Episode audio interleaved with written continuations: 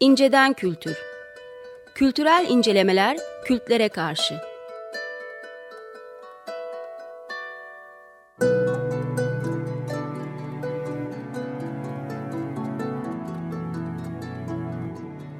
Hazırlayıp sunanlar Mesut Varlık ve Gökhan Aslan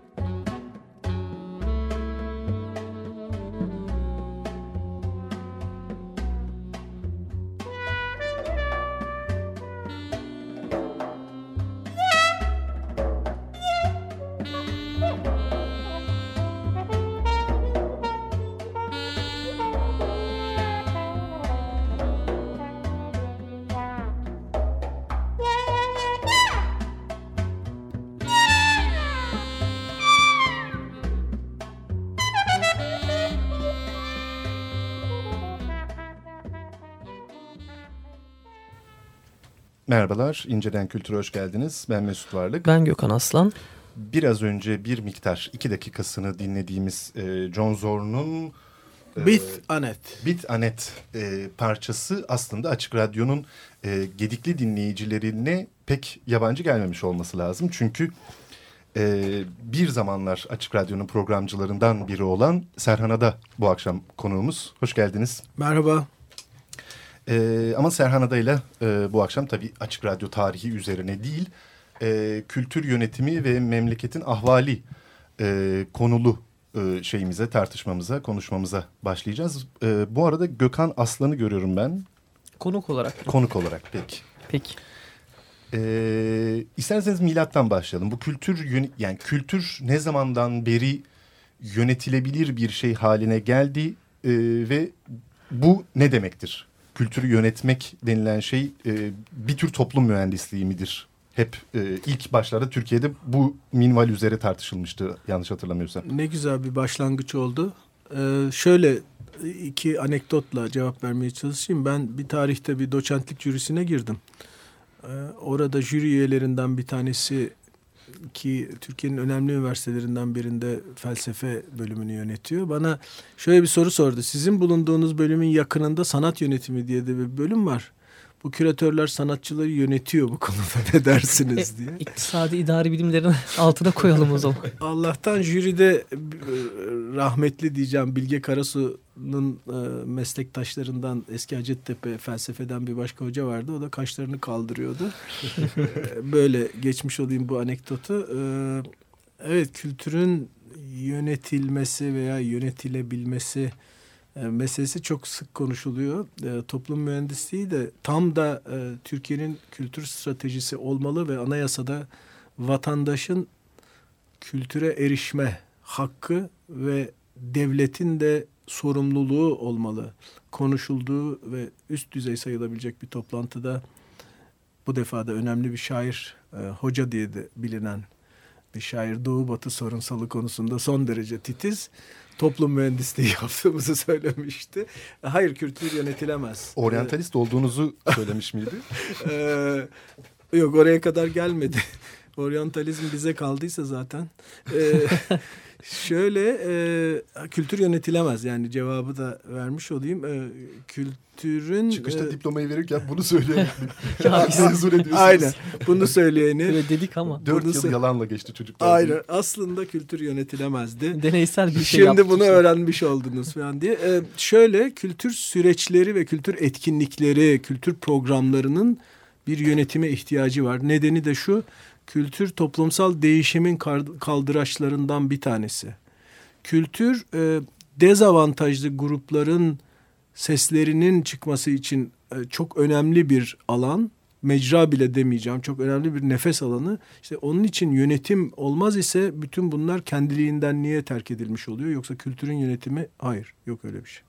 Şimdi bir e, diğer şey de e, memleketimizin ilk e, kültür yönetimi önce lisans sonra da e, yüksek lisans programının kurucususunuz ve e, işte bölüm başkanlığının koordinatörlüğünü de e, yaptınız. O dönemde e, bunu böyle bir bölümü ve programı açmaktaki e, gördüğünüz ihtiyaç neydi? Böyle bir pazar yoktu sonuçta. Böyle bir e, arz olmadığı için talep de e, yoktu. Neyi kriter alarak ya da görerek e, başladı bu macera? Ee, birkaç bir şey var aslında. Bunların hepsinden bir sonuç çıkıyor. Ama gene ben benim usul e, flashback yapayım. E, ben önümüzdeki hafta önemli sayılabilecek bir Amerikan üniversitesinde oyunculuk ve dans okuyan çocuklara sahne sanatları yönetimi ve bu konudaki girişim meselesi özellikle İstanbul'daki bağımsızlar üzerinden nasıl mümkün oluyor konusunu anlatmaya çalışacağım. Çünkü hepsi garsonluk yapıyorlar ve hepsi sadece auditionlara girip sırada bekliyorlar. Oysa olayın bir de başka bir boyutu var. Yani ekonominin bu kadar bir yandan da parçalandığı, parçacıklara ayrıldığı bir ortamda bazı yıldızların parlaması durumu var. Buradan büyük gelirler çıkmıyor ama buradan hayatlar çıkıyor. Şimdi e, geriye dönüyorum tekrar. E, 1998 Sahne ve Gösteri Sanatları Yönetimi bölümü kuruldu. Tamamen eklektik bir şekilde e, Bilgi Üniversitesi'nin o gündeki pragmatik ihtiyaçlarından yola çıkan e, bir şeydi. Aydın Uğur duyarsa bizi kulakları çınlasın isim babası da odur ama dünyada benzer bölümlerde vardı. Ve biraz el yordamıyla başladı. Fakat ilerledikçe gördük ki bunun tepesinde kültür yönetimi diye bir başka şemsiye duruyor. E, arz yok, arz var ama belki talep yok ama gene de talebi yaratmak denen bir başka faaliyet var yönetim işinde. Tıpkı kültür yönetiminde de olması gerektiği gibi. O zaman dedik ki bu şemsiyeyi koyalım. Onu da hangi vesileyle bu kadar net söyledik? Şimdi artık bir serap olmuş olan Santral İstanbul diye bir vaka vardı. Ben de hasbelkader onun başında bir yerlerdeydim ve o zaman gerçekten bir kentin içinde bütün bunların bir arada olduğu ve e, sosyalle, eğitimle kültürün, sanatı saymıyorum bile bir arada olduğu bir ortam e, adına santral dediğimiz bir e, öbek oluşacaktı ve oradan ışınlama söz konusu olacaktı. İşte o zaman bunun yeri burasıdır diye kalkışıldı. Tabii master programını saymıyorum. Onun upuzun bir hikayesi var. Gayet de yerinde bir projeydi. Devrim bir hayaldi şeyi geldi aklıma. Cümlesi geldi. Ben ama, ama daha ihraç edemedik. Tek olmakta devam ediyor. bir şey düşündüm bu konuşmalar esnasında. Kültür ve yönetim iki kelimenin bir araya gelmesi eee, ve artı bunu bundan bahsedilirken arz ve talep gibi terimlerin kullanılıyor olması bazı bünyelerde alerjiye yol açacak. Eee arz ve talep özellikle ım, ekonominin ekonomide kullanılan terimler ya. Eee, bu acaba eee, buna yapılan bu eleştiri yerinde mi diye düşünüyorum. Yani az kültürün arzı talebi diye bunu böyle metalaştırmak diyeyim en hafif yani en kolay ifadeyle daha doğrusu. E, Metalaştırılması, e, bunun bir gelir modeli, bir piyasa e, akışı içerisinde görülmesi e, ayıp mıdır diye düşünüyorum. Yanlış mıdır? Yoksa bir şekilde bunun da bir değerlendirmeye bu program dahilinde de alınması icap ediyor mu? Ee, çok doğru. Onun için bizim bu program çerçevesinde kurduğumuz e, uydu örgütlenmelerden bir tanesinin de adı Kültür Politikaları ve Yönetimi Araştırma Merkezi. Derginin adı da yıllığın adı da öyle. Kültür Politikaları ve Yönetimi yıllığı. Ee, hayır, e, buradaki ürünlerin farkı şu. Bu ürünler bir değer taşıyorlar iki kimlik taşıyorlar, üç anlam taşıyorlar. Diğer ürünlerden farklı olarak. Diğer ürünler zaman zaman bunları kısmen taşıyabilirler, mallar meta. Ama kültür ürünleri mutlaka taşıyorlar. Ben de e, bu konuda kelimeler, her konuda aslında kelimelerden korkmanın ecele bir faydası olmadığı kanısındayım. Şundan dolayı birinci sınıfta e, nasıl sanatçı ortaya çıktı? Sanatçıyı e, ortaya çıkaran e, ne diyelim ona iklim nasıl bir iklim diye konuşurken lisansta e, Leonardo'nun Milano'yu o zaman yöneten Sforza kontuna yazdığı efendim diye başlayan bir mektubunu CV'sini doğru söylemek gerekirse örnek veriyoruz. Orada diyor ki işte e, düşmanlarınızı takip etmek için size köprüler kurarız nehirlerin üzerine kurarım bu işleri beceririm. Efendim onlar, onlardan kaçmak için bir takım tüneller yaparım size. Ee, eğer izin verirseniz babanız Efendimizin de bir heykelini de yaparım diyor ki yapıyor sonradan Sforza'nın heykelini. Ee, demek ki bu bir alışverişe konu. Yani Ziya Paşa'nın beyitinden örnek vermeye gerek yok. Hani müşterisiz mal zayidir vesaire ama bir alışverişe konu. Adını koyunca değeri düşmüyor. Kalitesiz iş yapınca düşüyor ama. Ee, onun için ben çok hani e, siyaseten doğruluktan yana bir insan değilim. E, onun için bunlar adıyla konuşulursa ancak politik olarak doğruya da gitme şansımız olur kanısındayım. Ama önemli bir tartışma tabii ki. Bu değerleri taşıdığını bilmek lazım. Bu arada anekdotu tamamlayayım. E, Leonardo mektubunun sonunda bir tek yazım kötüdür diyor. bir tek yazı işinden an, hesaptan filan da iyi anlarım diyor. Ki doğru. Çünkü sen sınıfsal açıdan da belli bir sınıfa hitap ediyor, onların hayrına hizmet ediyor gibi bir eleştiri de söz konusu olduğu için ama e, terimleri bu terimlerden ve kelimelerden korkmadan ifade edildiği zaman belki de e, daha yerinde olacak. En azından politik doğruculuk demeyelim ama politik açıdan daha hakikatli bir şey yapılmış olacak herhalde. Ee, orada da şu var yani kültürün politikası olduğu gibi politikanın kültürü denen bir başka olay var. Ve e, Türkiye'de biz iki şeyi karıştırıyoruz. E, policy ile politics birbirine karış, karışıyor. Ben mülkiye öğrencisiyken Ömer Madra ile e, asistanlık zamanında beraber olmadan önce polisiye siyasa derdik. Hmm. Fakat Arapça tabii zengin bir altyapı sunuyor fakat Türkçe daralttığı için anlamları o şeyden ayrılırdı. Bizim bildiğimiz siyasetten ayrılırdı. Ama şunu demek istiyorum kültürle ilgili her konuştuğunuzda siyaset konuşmuş oluyorsunuz. ister istemez. Çünkü anayasalara konu kültürel haklardan bahsettiğinizde ya da kültürel ifadelerin çeşitliliğinden bahsettiğinizde hem ekonomik bir şeyden bahsediyorsunuz. Hollywood'a karşı bir şeyden bahsediyorsunuz örneğin veya büyük müzik tekerlerine karşı bir şeyden bahsediyorsunuz. Ama aynı zamanda da ekonomik deyimlerle. Onun için de ben kültür alanındaki insanlarla yaptığımız uluslararası toplantılarda da hep şunu söylüyorum. Bu alanın dilini hep yenilemek zorundayız. Çünkü bu alanın dili başka alanlara da taşınıyor ama öbür alanların akşamdan kalma kullandıkları dili buraya ithal etmemeliyiz. Bu da zor bir şey ama çalışmak lazım tabii.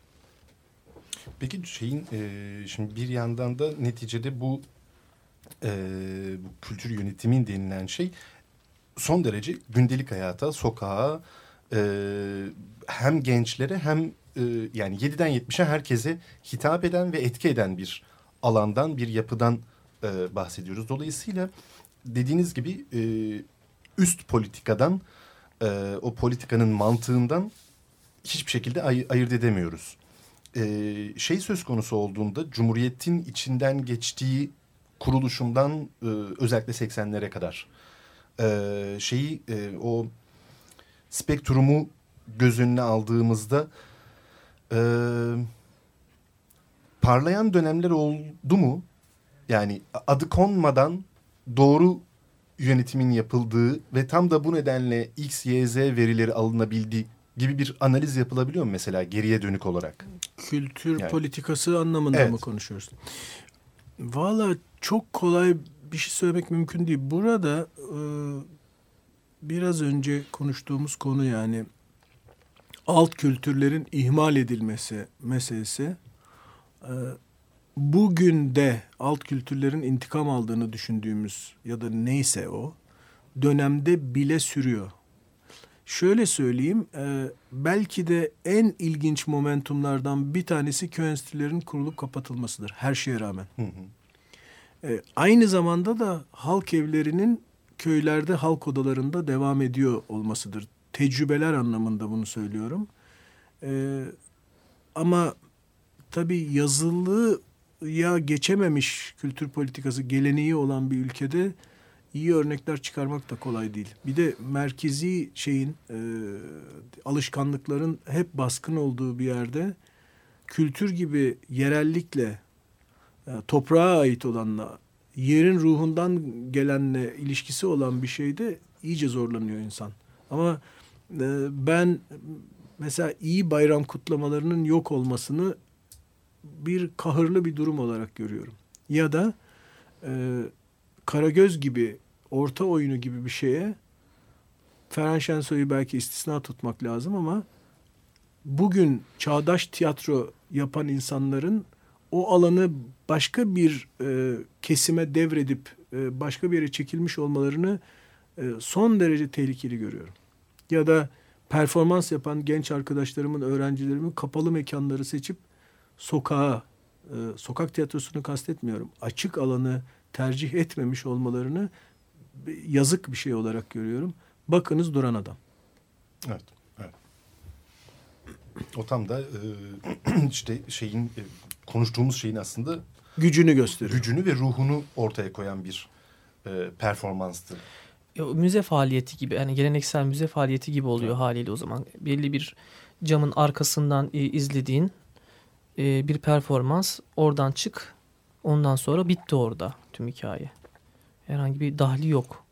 Hayat- Ee, bu bakımdan da ben 2010'u kaçmış fırsatlar listesinin e, üst sıralarında görüyorum. Çünkü Halic'i böyle bir havzaya dönüştürme e, hayali vardı. Açık söyleyeyim benim de vardı. E, ve Haliç sadece İstanbul'un erki, eski merkezi demek değil. Haliç etrafındaki dört tane ilçe ve onların ışıdıkları, ışınlarını yaydıkları çevre ilçeler açısından da çok fazla şey ifade ediyordu. Bu hem Göktürk ilçesi ama hem Zeytinburnu, hem Arnavutköy, hem Gazi Osman Paşa filan gibi mümkün olmadı. Çünkü Halic'in hem karası var, hem suyu var, hem adaları var. Hem de bu kadar korunaklı bir bölge. Bir laboratuvar olabilirdi bu şehir için. Geçen sene e, Mesut hatırlayacak, belki sen de hatırlarsın. Ahmet Hamdi'nin İstanbul'daki meşhur beş şehirdeki şeyi anlattığı, bayramlardaki havayı anlattığı önemli bir şeyi vardır, metni O pasajda, vardır. evet. evet, evet. Yani o, o ciddi anlamda e, düpedüz hadım edilmiş bir e, kültürel ortamdan belki de e, bahsediyoruz. Çünkü e, işte bu darbelerin vesairelerin e, Cumhuriyet tarihi boyunca hep siyasi sonuçlarından vesairelerinden falan bahsedilir ama e, bir yandan da sürekli 10 yılda bir evet siyasetin sekteye uğradığı, evet demokrasi deneyiminin sekteye uğradığı falan bir tarih. Evet ama bir yandan da 10 yılda bir e, kültür ortamının e, hadım edilip durduğu ve e, kartların yeniden yeniden dağıtıldığı bir ve en sonunda da 80 itibariyle tamamen e, kartlar dağıtılmak değil çuhanın ortadan kaldırıldığı bir durum e, ortaya çıkıyor. Dolayısıyla 2010'da e, böyle bir kültür başkenti e, şeyi büyük oranda rastlantı e, olarak da olsa şey yapılınca e, elde edilince ne olduğumuzu şaşırdık ve ortaya saçma sapan e, projeler e, ve bir şey ortaya çıktı. Proje faaliyeti. Evet. Yani e, Excel tablolarında tamamlanmış Aynen. projeler görünmesi isteniyor.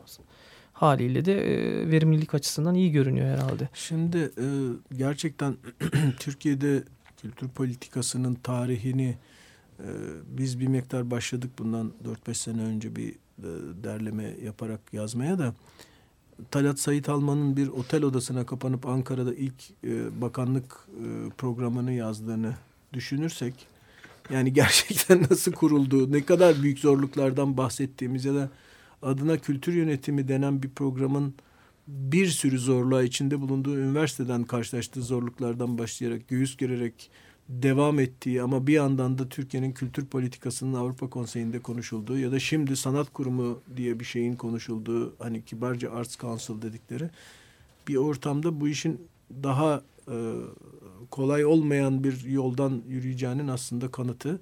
Çünkü temelde başka bir şey var. Gitgide 50'lerden sonra da daha dikkat çekici olan belki Cumhuriyet'in ilk döneminde evet tepeden ama bir kültürel vizyon olduğu söylenebilir.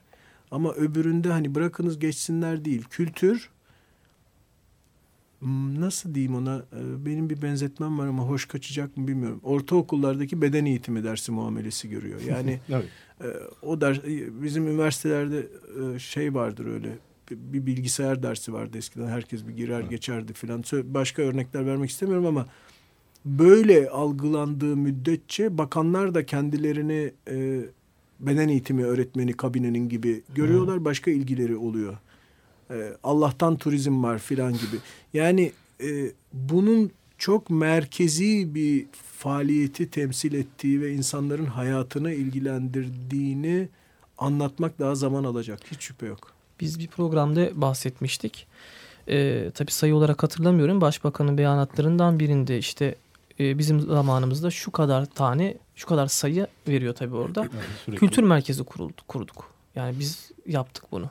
Tabii bu bir icraatçilik e, söylemi ama sayı vererek de kültür merkezi kuruldu. Peki kültür ne olacak? Yani merkezi var. Merkezi yani yol, kurum... Yolun kilometreyle yol yapar gibi ya gibi, da aynen. taneyle metro aynen. istasyonu, adetle kültür. Yani, yani. çimentoyu dökünce bir merkez yapabiliyorsun. Zaten e, bir inşaatçılık faaliyeti olarak mümkün kültür merkezi koy, açmak, yapmak ama peki plan nedir onu bilmiyorum. Ben Şimdi bulamadım. şey yani vizyon olmadığı için çok doğru bir şey konuşuyoruz. Dili geliştirelim dedik ya benim onlara taktığım bir isim var kültür hayaletleri.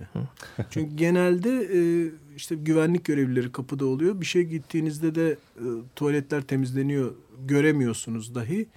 Ancak tepeden kurgulanmış bir bir şey varsa orası yaşıyor. Onun dışında da ölü yerler. E, o kaynaklar aslında etkinliklere verilse büyük bir canlanma sağlanır. Çünkü binaya veriliyor. Oysa güzel bir laf var. İki kalas bir heves yani. Kültür öyle ağır yatırım gerektiren bir alan değil. Hı hı. Ve o, o açılan yüzlerce e, kültür merkezinin içerisinde ne üflemekten, e, tahta boyamaktan ve ebru yapmaktan öteye e, ve işte bazılarında e, eğer sahne varsa ki o sahnelerin çoğunun mesela kulis giriş çıkışı dahi yok. E, onlar da işte şeyin e, şehir tiyatrolarının e, turneleri, oyunları dönüyor vesaire ama onun haricinde herhangi bir deniz gibi tam bir hayalet binalar Şimdi or, orada da çok doğru bir bir noktaya değindin. Ee, Ebru vesaire onlara bakanlığın kullandığı dilde geleneksel sanat deniyor. Hmm. Yanlış çünkü onlara zanaat diyoruz biz. Evet. Çünkü e, gelenek de biliyorsunuz Arapçasıyla ben yeniyim Arapçada ama taklit karşılığı e, özür dilerim ama öyle Arapça. Yani söylerseniz Araplar hemen anlar. Takallit. E, takallit de şey e, traditional geleneksel anlamında.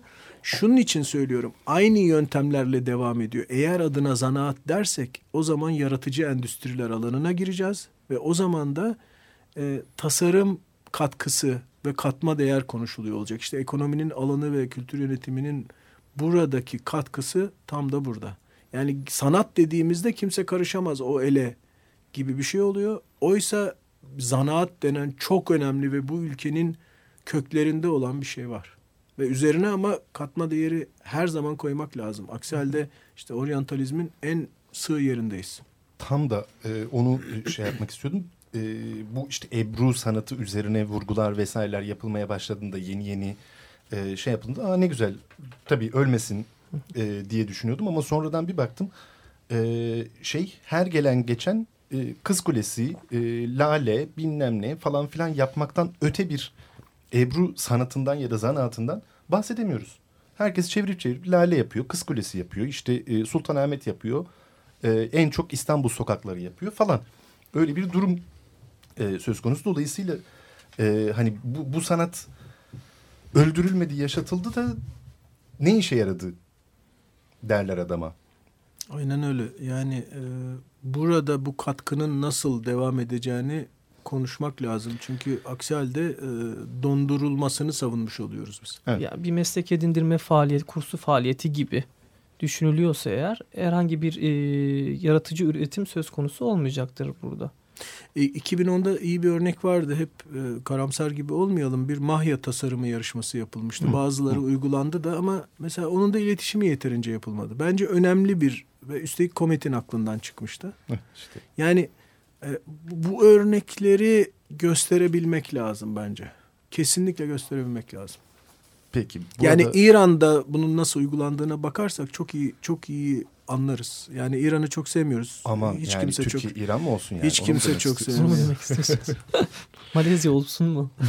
bir arada o vardı. Dubai olacağız korkarım. Müzik anonsu istiyor musunuz? Evet, evet tam evet. ona. Yapalım o zaman çıkarken. Rimahşiş El Şeyyalin e ya da Eş Şeyyalin yani taşıyıcılar başka deyişle hamallar Üstad Said Derviş'in bestesinden. Eyvallah. Bir sonraki programımızda yine Serhan Adayla bu sefer işin e, devletsel ve kurumsal tarafına girmek üzere devam edeceğiz. İyi akşamlar. İyi akşamlar.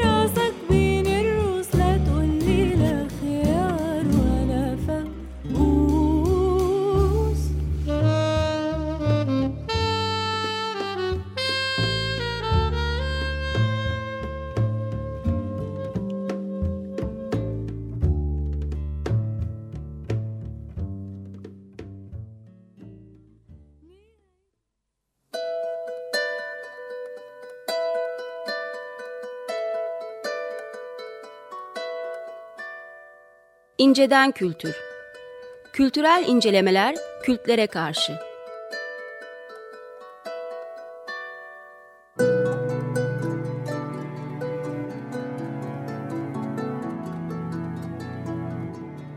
Hazırlayıp sunanlar Mesut Varlık ve Gökhan Aslan.